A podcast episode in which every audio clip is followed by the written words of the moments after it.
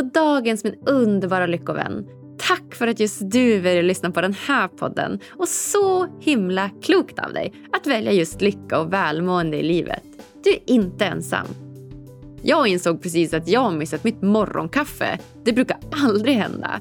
Så att, eh, jag ska nog ta mig en stor kopp kaffe nu innan inspelningen. Som vanligt heter jag Agnes Sjöström och den här podden presenteras även idag i samarbete med hypnotication.com.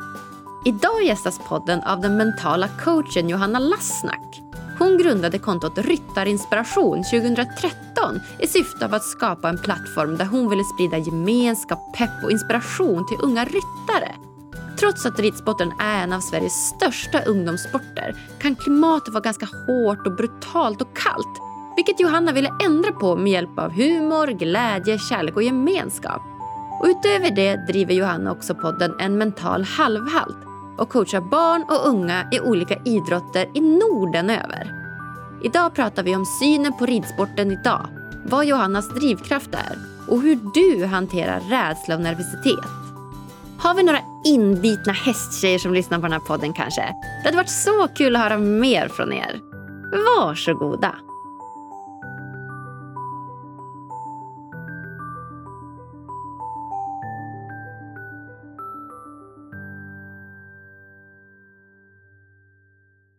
Äntligen har jag fått chansen att säga hjärtligt välkommen till Lyckopodden, Johanna Lassnack.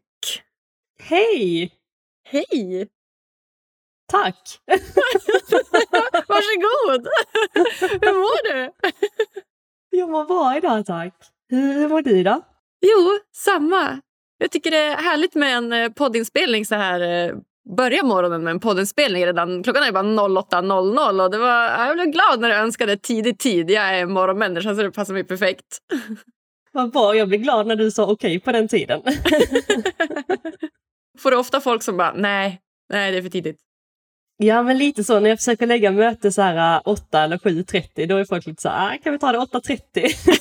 men äh, jag tycker det är skönt. Jag är också som du, morgonmänniska och kreativ på morgonen så jag gillar att få saker och ting gjorda och ah. jobba undan liksom innan lunch. Ja, ja men spännande. Gud, redan där känner jag att vi har en gemensam nämnare. För det, det är inte många som är morgonpigga tycker jag. Och jag undrar om det är så att vårt gemensamma intresse hästar har fått oss till det här. Kan du tro att det är så?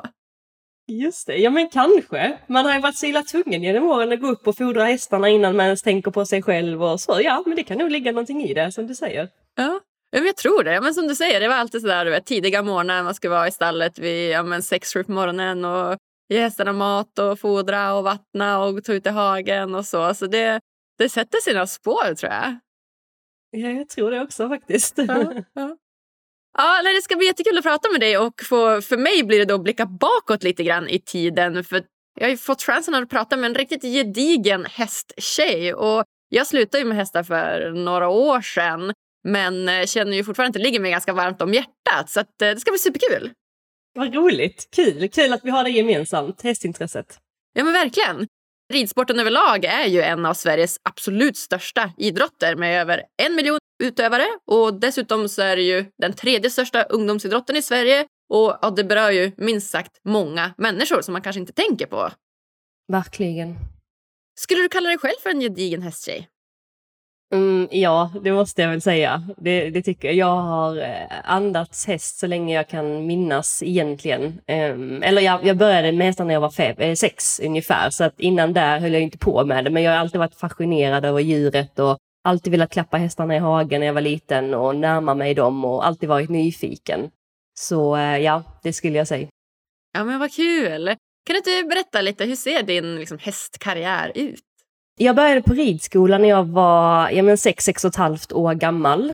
Jag hade då varit med en kompis hemma som bodde på gård och hon red och hennes syster red och jag var så fascinerad och ville också rida. Så jag kom hem och tjatade lite på mamma och pappa och mamma hade själv ridit när hon var yngre så det var inte helt främmande för henne. Och då började jag på ridskola ganska omgående där. Och eh, kort därefter egentligen, tre, fyra år senare, så fick jag min eh, första häst som vi lånade. en liten shettis som eh, knappt var inriden, men som jag satte mig på och åkte av lika snabbt. um, och sen dess då så har vi, vi har bott lite på gård och sådär, så vi har haft lite, lite foderhästar och någon egen och, och så, men bara på en väldigt hobbynivå. Jag började inte tävla förrän jag, kan jag inte säga exakt hur gammal jag var, eh, nu när jag tänker efter, men, eh, men i 10, 11, 12 kanske någonstans där. Och tävling har alltid varit eh, förknippad med katastrof för mig för att jag har varit så extremt nervös och mina första tävlingar gick väldigt dåligt. Eller dåligt och dåligt, det är klart att det är okej att det går dåligt men jag förstod aldrig riktigt hur jag skulle göra och jag tyckte att jag skämde ut mig och jag förstod inte när jag skulle starta och vad jag fick göra och inte fick göra. Så att, men efter det då så ville jag börja tävla ännu mer och, eh, fick, fick någon D-ponny och sådär som jag knappt kom runt på. Jag minns att det var väldigt mycket mer eh, förekommande att jag slutade på marken än eh, rida liksom genom mål. Eh, och det var sjukhusbesök och det var hjärnskakningar och, och så. Men efter fem år så fick, fick, vi, fick jag henne hoppa också. Eh, och, och, när jag var 15-16 år gammal, nej 16 år gammal så fick jag min, min första storhäst eh, och min morfar som hjälpte mig ekonomiskt med det. Och där började det väl lite på riktigt och så. Eh, den storhästen fick mig att eh, ta mig igenom en bana och bygga upp mig från 90 till, vad hoppar vi, 135 eh, och så. Och sen dess så har väl hästarna avlöst varandra. Det har inte varit självklart för mig att hålla på med hästar ur ett ekonomiskt perspektiv. Det har varit eh, kämpigt och jag, eh, när jag fyllde 18 fick jag klara mig själv lite grann. Så att jag har eh, sparat mycket och lagt undan pengar för att ha möjlighet att hålla på eh, och gör fortfarande. Men idag har jag två hästar. En eh, lite äldre häst som jag har ridit upp till 135 på som ska pensioneras och förhoppningsvis bli mamma här nu i vår. Fantastiskt stor. Och sen har jag en, eh, en yngre häst som eh, ja, jag ska jobba för framtiden med, som är sex år gammal. Så det är väl i korta drag det eh, jag har gjort. Mm. Ja, spännande. Det låter verkligen som att intresset alltid har funnits där. Och trots att det har gått dåligt och du har legat på backen så har du ändå tagit dig upp och någonstans behållit den där motivationen. Verkligen. Jag är så tacksam egentligen. Jag tror att det har skapat mycket. Det här drivet, att, eh, eller det här jäkla namnet att, att både bevisa för sig själv och, och andra att det, att det ska gå till, egentligen till varje pris. Det har väl varit egentligen lite överdrivet ett tag. Idag har jag inte behov av att bevisa för någon annan vad jag är kapabel till och inte, men där och då blev det mer som en motivation att det ska fasen gå. Så jag är väldigt tacksam över eh, alla motgångar och tjuriga ponnisar och, och så. Mm. Mm. Du startade ju då kontot Ryttarinspiration då, eh, 2013 och då var jag runt 22-23 år och jag hade kanske precis börjat mitt första år på hypologprogrammet i Flyinge och du vet, stod där med darriga ben efter en helt okej okay juniorkarriär. Och jag minns första gången jag dök in på, på det kontot för jag, jag tyckte det skildes så himla mycket från tidigare hästrelaterade konton. Det var liksom en annan vibe, det var en helt annan gemenskap, det var ju en en härlig atmosfär. Det var väl lite humor också tror jag i det här som jag inte alls märkt av tidigare. Kan du förstå den viben? Jag blir jätteglad över att höra dig berätta det, för det var ju verkligen det jag ville förmedla när jag startade sidan. Mm, så att, ja, jag kan förstå den och jag är jättetacksam över att du, att du kände så när du klickade in. Ja, vad kul. Hur kommer det sig att du startade Ryttarinspiration? För det är ju inte sån, sån självklar gemenskap och vibe i ridsporten överlag emellanåt. Det, kan vara, det är en individuell sport och det kan vara ganska tufft klimat och det handlar om att komma liksom etta, tvåa, trea på prispallen och det är inte så mycket daltande utan det är ganska ja, men, hårt klimat och det är ekonomiskt så är det också rätt tufft som du säger så ofta är det folk med lite pengar och så. så liksom, hur kommer det sig att du startade det? Vad, vad var det du tyckte saknades i hästvärlden? Ja, men, men det, var, det var väl lite det som du är inne på, att jag tyckte att det saknades den här gemenskapen också. Jag har väl alltid varit en sån, ja, men jag har alltid uppskattat värme bland människor och, och så. Eh, men det var väl inte det som drev mig, utan det var väl just det här som jag sa tidigare, att jag har alltid förknippat tävlingar med katastrof. För att jag har alltid varit så galet nervös och jämfört mig med alla andra och tänkt på allt annat förutom min häst liksom, och vår prestation varit jätteresultatinriktad. Och eh, jag hade börjat jobba lite grann med, med mig själv mentalt, alltså inte på någon professionell nivå överhuvudtaget, utan mer bara så här läst lite böcker, gått på någon föreläsning, googlat runt lite grann och börjat vara nyfiken på det här att jobba mentalt och faktiskt fått väldigt bra hjälp med de här verktygen. För jag, jag utforskar verkligen varje verktyg och tog med mig allt. Och det blev stadigt mycket, mycket bättre. Och um, när jag kände att oj, nu har jag ändå kunnat lära mig att hantera både nervositet och prestationsångest och kunna behålla fokus och styra mitt fokus så kände jag att men det här är någonting som alla i ridsporten behöver egentligen ta del av. För att det finns så himla mycket liksom, negativa grejer inom ridsporten. Ja, men just så här, det är som du sa resultatbaserat och det är mycket prestation och det är liksom fokus på allt annat och det är jämförelse och det är nervositet. Så att jag vill egentligen få in det och få upp, eh, liksom, få upp mental träning för ridsportutövare. Så där startade lite grann och jag visste egentligen inte alls vad jag skulle göra när jag startade Ryttarinspiration. Alltså jag hade ingen idé eller tanke eller supervision mer än att jag har alltid känt att det kommer att bli stort. Så, en, alltså mer ur ett, eller min förhoppning och min vision har varit att det ska bli stort, men jag hade ingen aning om hur jag skulle få det stort eller så. Så att jag bara la upp lite bilder och lite citat och lite så på ytan och, och, så fick det jättebra respons. Och då vågade jag skriva lite längre texter och de texterna blev videosar och sen så har jag alltid haft rätt så nära till humor och tycker det är kul. Alltså jag har alltid velat, jag tycker, jag har rätt så svårt för att lära mig generellt, både i ridning men också i skolan. Och därför har jag alltid uppskattat när saker och ting blir enkelt förklarat eh, eller blandat med humor och igenkänning. Så då eh, försökte jag förmedla, förmedla saker genom humor och, och igenkänning eh, och så. Så därför kom det lite humor in där också med de här videosarna. Och sketcherna också. Ja, men så himla kul! Ja, ja men för det var nästan lite samma för mig. Där. Jag snubblade ju egentligen på ett bananskal då, just på, på psykologi. För jag vet att du är ju mental coach och jobbar som det då. Både i Sverige men också i Norden. Ja. När jag eh, startade mitt företag inom hästnäringen så var ju en del tävling, träning och en del var ju just eh, pedagogik, alltså att lära ut till andra ridlärare, tränare. Och i det så tyckte jag att det saknades just psykologi.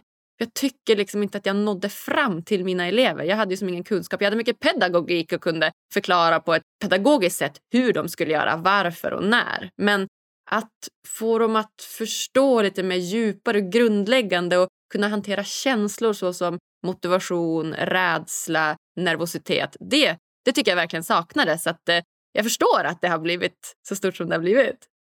Vad roligt, det visste jag inte att du också hade fördjupat dig lite i det och, eller haft intresse. Vad, vad roligt att höra. Jättekul. Ja. Jag, tror, jag tror mycket på det. Jag pratade med någon, det var inte jättelänge sedan, just vi skulle utveckla något, koncept där att faktiskt utbilda och informera även ledare i, i ridsporten. Eh, just kring att hantera eh, eleverna. För att jag har en nära vän till mig, Ann-Sofie Oskarsson, som är A-tränare, jätteduktig ryttare. Hon säger just det, alltså jag, jag vet inte hur jag ska hantera det ibland. Jag är liksom, man ska vara psykolog ibland och det är, liksom, det är mycket. Och därför tycker hon det är skönt att det finns personer som mig som hon kan guida vidare till. Och jag kan verkligen förstå att det kan bli obekvämt och svårt för en ledare som är där för att lära ut när man ska höja och sänka händerna och lägga på benen, enkelt ja. förklarat. Men inte en person som kommer och har jättemycket ångest eller prestationsångest eller har haft mycket i skolan eller precis bråkat med, med sin familj eller känner nervositet. Så att jag hade önskat att, och det ser jag som långsiktigt, att få in det mer i ridsporten just kring ledarna. Nu har jag ju inte gått någon utbildning eh, som ridinstruktör. Jag vet inte hur mycket mental eller så här psykolo psykologi man pluggar där. Men lite måste det väl ändå kanske vara. Men eh, mer tror jag på. Ja, ja vi läste ju faktiskt ingen psykologi i vår utbildning på hypologen. Så det är lite, och jag, jag vet inte det. Nej, vi gjorde inte det. Och sen vet jag inte hur det är på lär, alltså rena lärarutbildningar för liksom skolelever, alltså skolbänkselever vet jag faktiskt inte. Men det behövs absolut mer som du säger, det tycker jag. Mm.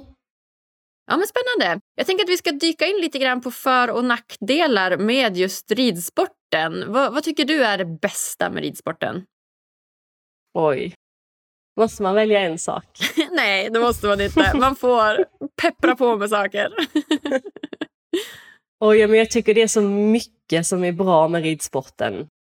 Alltså ur ett, eh, om mitt egna personliga perspektiv så har det ju fått mig att att bli väldigt eh, oegoistisk. Alltså att alltid eh, tänka på, på ett djur och ta hand om ett djur, alltså ha ansvar liksom.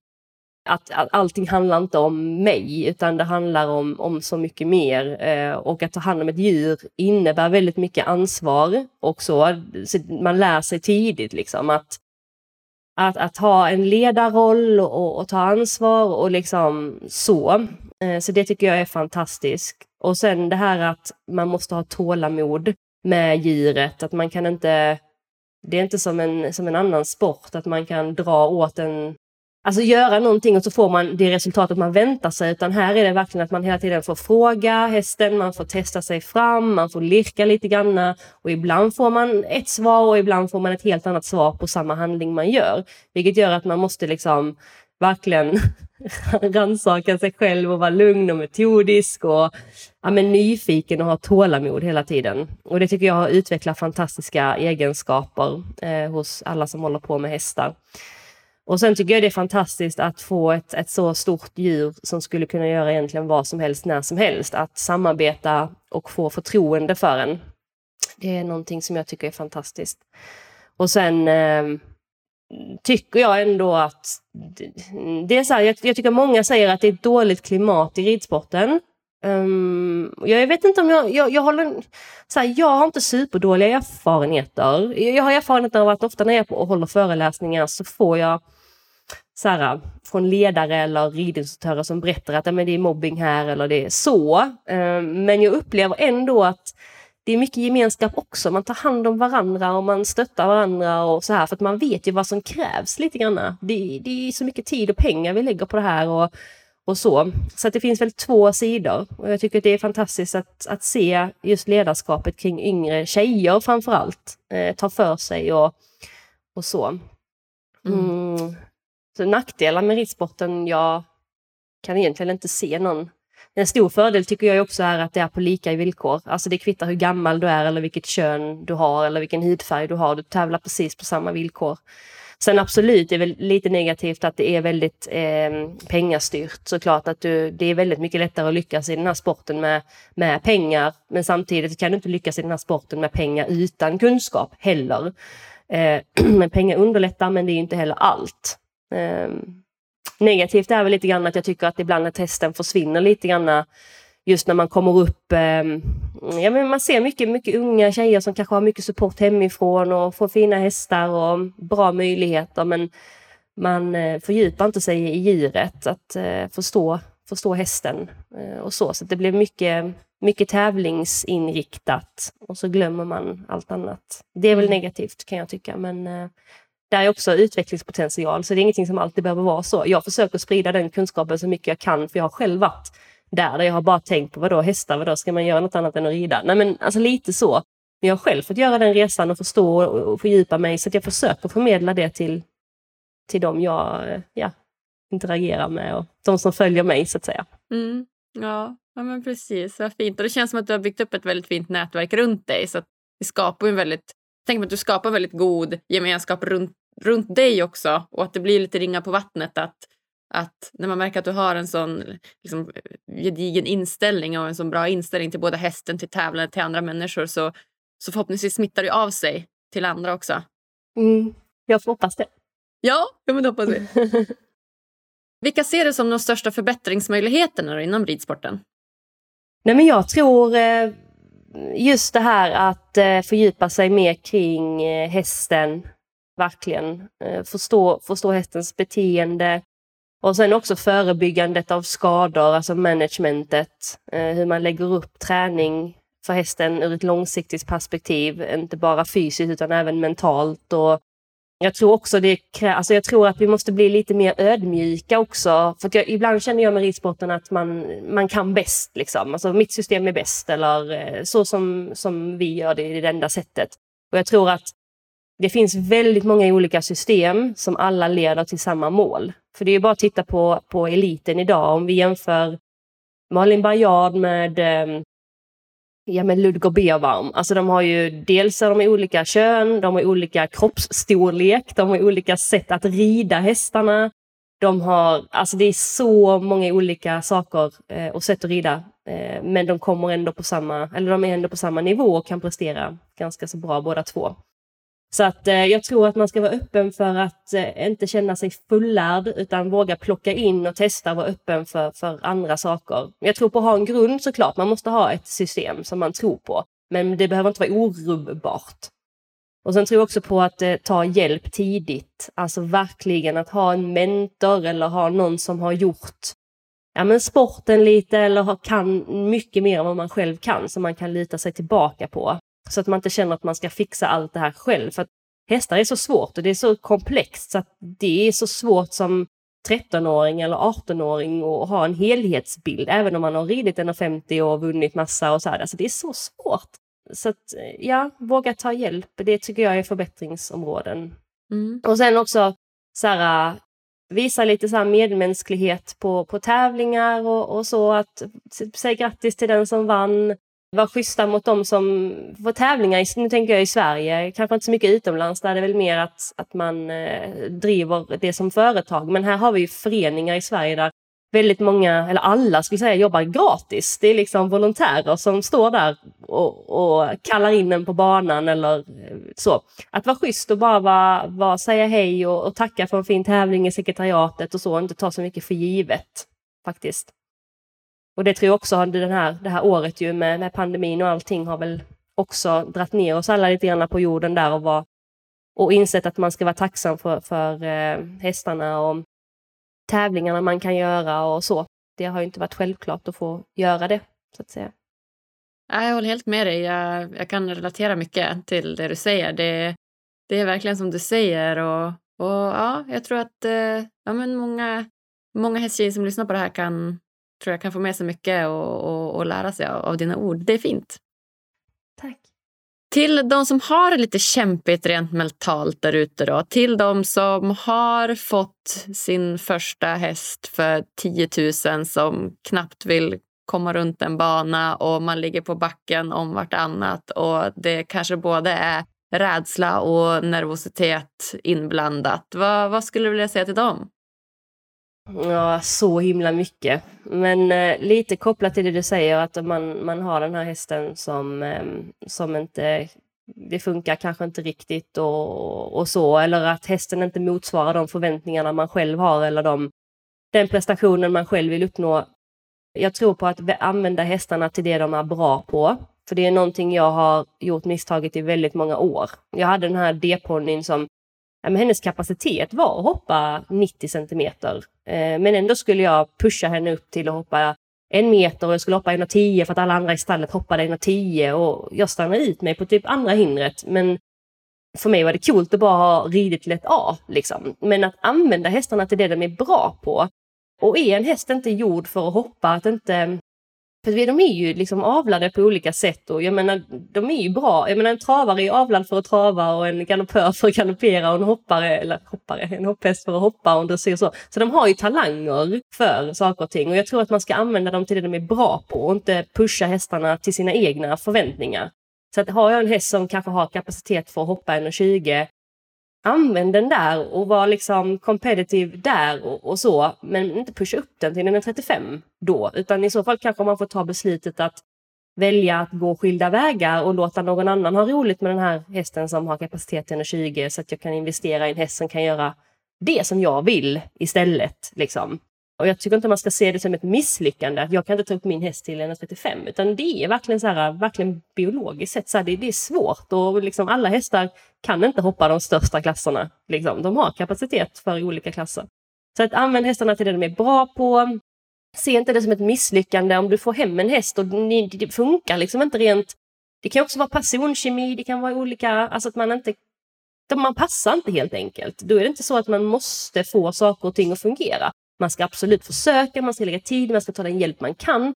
Men känner man att man har gjort det och man ändå inte kommer någonstans, då tycker inte jag man ska se det som ett misslyckande att låta någon annan ryttare ta över hästen eller låta någon annan sitta upp och hjälpa till, utan att man sväljer egot lite grann där och, och så, är lite smart kring det. Och sen tror jag som sagt, som jag sa innan, att ta, ta hjälp, ta så mycket hjälp det bara går. Alltså hjälp, hjälp, hjälp, hjälp. Och eh, låt någon annan rida din häst också, tror jag är bra, eh, som du litar på. Sen tror jag också på att ha rimliga förväntningar. Både på ett vanligt arbetsridpass men även på tävling. Om man har tio saker man vill förbättra, att man inte kan tänka att alla de tio ska vara bra när man sitter upp på ett träningspass. Och det ska heller inte vara målet, utan man kanske ska bryta ner det till att göra en eller två grejer. Och så får man låta de andra åtta vara ogjorda. Men man har gjort de två lite bättre, så de kommer att vara lite bättre imorgon. Och också när man lär sig nya grejer, att det kommer att kännas rörigt i huvudet och det kommer att kännas svårt. Jag vet bara själv nu, jag har tränat för min tränare i åtta år och, och um, tog för första gången chansen att åka upp till, till en annan tränare här nu för två veckor sedan, som är duktig, Malin Bajard. Och hon gav mig massa tips som jag, liksom, för mig var så här främmande och bara, men gud, ska jag göra det här? Och nu när jag åkte på tävlingen så, så vill jag ta in mycket av det som Malin sa, men jag vill också behålla min grund. Men i och med att jag tänkte så mycket på hennes grejer så blir ju andra saker lite sämre än vad de brukar vara. Och det är väldigt viktigt att vara medveten om att det är så det funkar. Inte känna då att oh, jag är inte kapabel till att göra det här och jag är världens sämsta ryttare. Utan mer bara att det är olika tider och man måste fokusera på olika grejer ibland och kan inte få med allt på en gång. Sen tror jag också typ att när man känner att man misslyckas med någonting, att man inte ser det som ett misslyckande så, utan mer bara är öppen för och är mer nyfiken på vad man kan lära sig av den situationen som just hände. För det finns ju alltid någonting att lära sig. Det är inte så att bara för att någonting går dåligt att du är en dålig ryttare, utan du kanske tog ett lite sämre beslut, du kanske så, men lär dig någonting av det. Eh, och vet du inte vad du ska lära dig, fråga någon som kan hjälpa dig. För då blir du bättre, då kan du utvecklas. Vad ska jag mer säga? Uh, ja, ta tid på dig, ha tålamod, se saker och ting långsiktigt. Ja, det är väl det. Ja, men wow, det är hur mycket bra tips som helst. Det, det tror jag verkligen att alla hästtjejer ute kan få superbra hjälp av. Hoppas det. Jag tänker att vi ska lämna rid, eller lämna, jag behåller väl den också här i vårt lilla samtal tänker jag, men att eh, vi blandar in liksom livet i stort också. Vilka är dina viktigaste lärdomar från livet? Oj, Ja, men jag, jag, jag tyckte att saker och ting ändrades eh, väldigt mycket för mig när jag eh, började bli tacksam för saker och ting som jag har och så. Eh, att jag inte levde i någon framtid, att jag Förr kunde jag tänka så, när jag får detta, när detta händer, då blir jag glad eller då kommer jag vara nöjd. Grejen är att man kommer aldrig till det. Till den, eh, vad heter det, den punkten när man känner att nu är jag nöjd med allt. Utan jag tror att kan man inte vara tacksam för det man har nu, liksom, kan, kommer man inte kunna vara tacksam för det man får senare. Så jag tror att så här, se tacksamheten i små grejer verkligen, eh, varje dag, gör jag. Jag är tacksam för att mina hästar står i boxen eller i hagen när jag kommer. Eh, att de får vara friska, att mamma svarar när jag ringer, eh, att eh, jag har möjlighet att ha mat på mitt bord och göra det jag älskar. Och jag är jättetacksam för en person som ler tillbaka mot mig på stan, eh, håller upp dörren. Alltså sådana små grejer tror jag. Så det har jag lärt mig jättemycket av och jag känner liksom genuint en helt annan livsglädje. Och sen tror jag också på att jag, mm, jag har lärt mig liksom att jag hanterar allting som kommer. Jag behöver inte vara rädd egentligen för vad som komma skall. Alltså jag behöver inte vara rädd för en motgång eller att eh, misslyckas med någonting eller att bli generad för någonting eller att göra bort mig för någonting, för jag kommer hantera det också. För, jag, för mig har det varit så att, speciellt senaste året, så har jag, jag förlorade min pappa här nu för snart ett år sedan under väldigt jobbiga omständigheter där han, eh, där han, eh, liksom, han tog sitt liv eh, och jag var den personen som, som var där och hittade honom. Och det skakade om hela mitt liv jag har liksom lärt mig lite att det, som, det värsta som har hänt har redan hänt. Alltså det, det kan inte hända värre grejer. och jag har klarat det här också. Och jag, jag, tror vad jag har lärt mig av den här resan är att när man är inne i eh, sorg eller man är inne i ett jättejobbigt en jobbig tid som behöver inte handla om ett dödsfall, det kan handla om en ekonomisk kris, eh, familjekris, eh, man gör slut med någon, så här att var där, fly inte från känslorna och rädslorna och så, utan våga visa dig ledsen och prata om känslorna verkligen och, och, och vara där. Mm, för jag tror att om man inte pratar om sina känslor och, och så här så kommer man till en punkt där allting bara svämmar över och då blir det jättetufft att ta sig tillbaka. Så det, det är väl också en sån livs, eh, så här, att våga, våga prata och våga, våga också vara lite så här, visa dig, om man nu ska säga svag, är fel ord, för jag tycker det är starkt att våga visa sig sårbar, men våga visa sig sårbar. och se vad som, som händer. För att jag tror att alla människor, ingen människa dömer någon annan för att vara sårbar. För att vi alla är ju det långt inne. Vissa håller upp en fasad, andra är mer öppna, men vi vill så här, bli bekräftade, vi vill känna oss sedda, vi vill känna igen oss i andra och det gör vi när någon kommer och öppnar upp sig.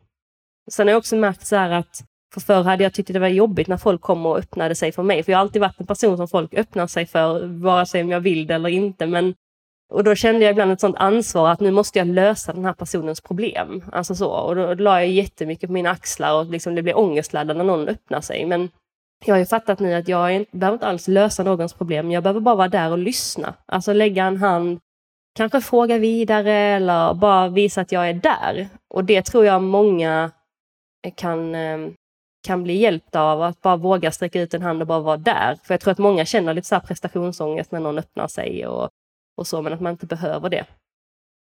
Och sen, ehm, ja, visa medmänsklighet tror jag också liksom har varit en sån grej för mig. Att vara vänlig, alltså verkligen i alla, alla avseenden. Vara schysst liksom och döm inte någon, för att man, man vet aldrig vad någon går och bär på. Alltså verkligen. Um, det finns människor som varje dag går med ett leende på läpparna men som har ett helsike hemma. Um, och det finns de som ja, aldrig kommer att prata eller öppna sig om det. Men jag, jag, tror att man inte ska döma för att alla bär på någonting man inte har någon aning om. Liksom.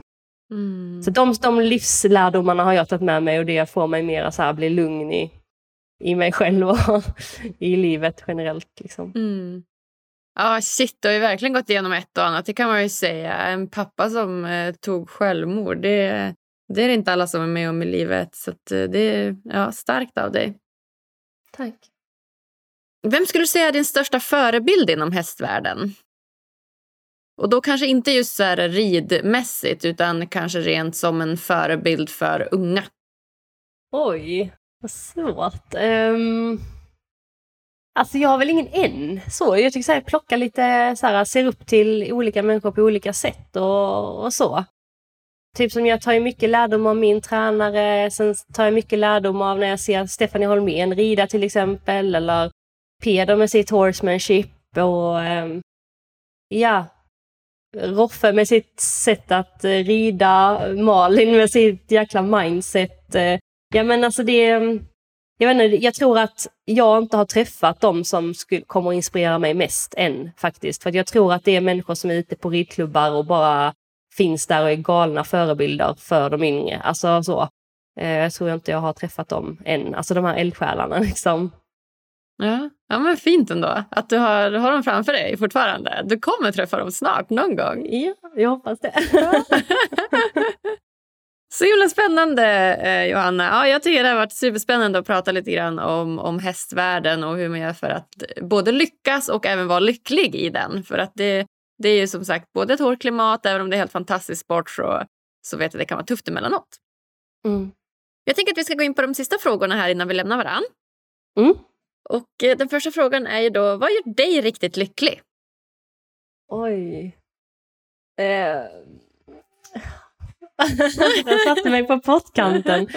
Alltså, jag, jag tänker typ så här, lycka för mig är mer så här typ en... Ehm, det är inte så här en... Eh, alltså ett långt tidsperspektiv. När jag gör det här så blir jag eh, lycklig. Jag känner att lycklig är så här små moment för mig. Typ nu känner jag lycka, alltså så. Men eh, om, om tio minuter kanske jag inte känner lycka. Så det är så här små moment. Och det är väl så här typ, jag vet inte, när jag får ett sms av någon, eh, typ en, kanske en klient jag jobbat med där hon bara liksom är helt så här självreflekterande och bara berättar hur hon har använt verktyg och hur hon har lyckats med någonting. Det kan känna mig, jag känner mig jättelycklig över. När, någon, när jag kommer till stallet och min häst tittar ut ifrån boxen, alltså då blir jag så här, det pirrar i hela kroppen. När jag själv gör någonting som jag inte visste att jag skulle klara av, jag fixar det. Jag, ja, jag, jag kan inte säga exakt någon, men sådana smågrejer gör mig lycklig. Liksom. Jag gör en maträtt som smakar jättegott eller jag längtar efter att få se en serie och så sätter jag på serien och där direkt när jag ligger där typ i sängen och har längtat efter det här avsnittet så bara känner jag, åh nu, ja. mysigt. Ja. Ja, men det är väl perfekt. Så små, små saker i vardagen som, som får dig lycklig. Det är väl jättefint. Om du fick ge lyssnarna en utmaning som de kan göra varje dag för att bli lite lyckligare, vad skulle det kunna vara då?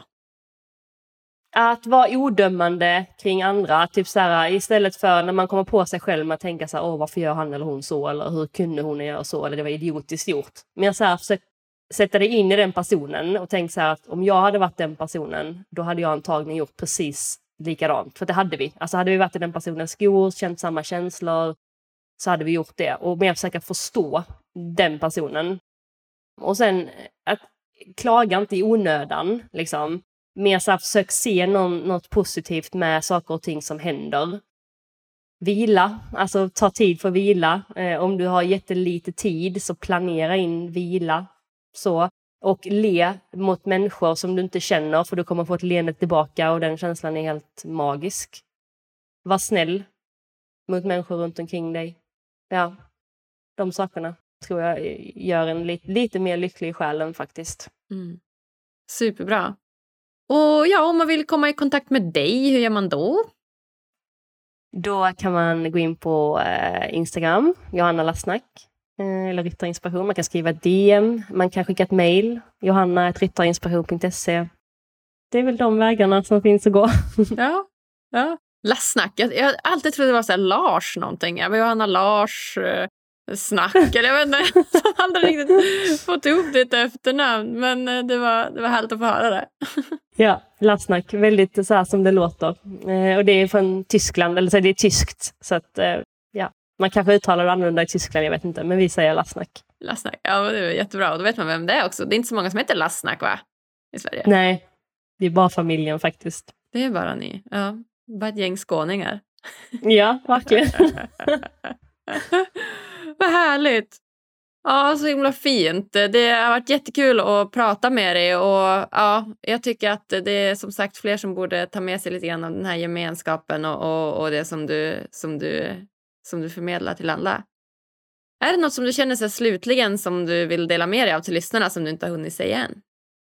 Jag vet inte, nej. Eller alltså, var nyfiken. Alltså, var nyfiken på, på allt och Känn aldrig att man känn aldrig dig fullad. Liksom. Var nyfiken på människor, var nyfiken på nya sätt att arbeta, var nyfiken på att testa nya grejer. Och, ja, mm. tror man växer mycket genom det. Ja, men verkligen. Vad är, din, eh, vad är ditt nästa mål eller vad är din nästa karriärspunkt som du vill uppnå?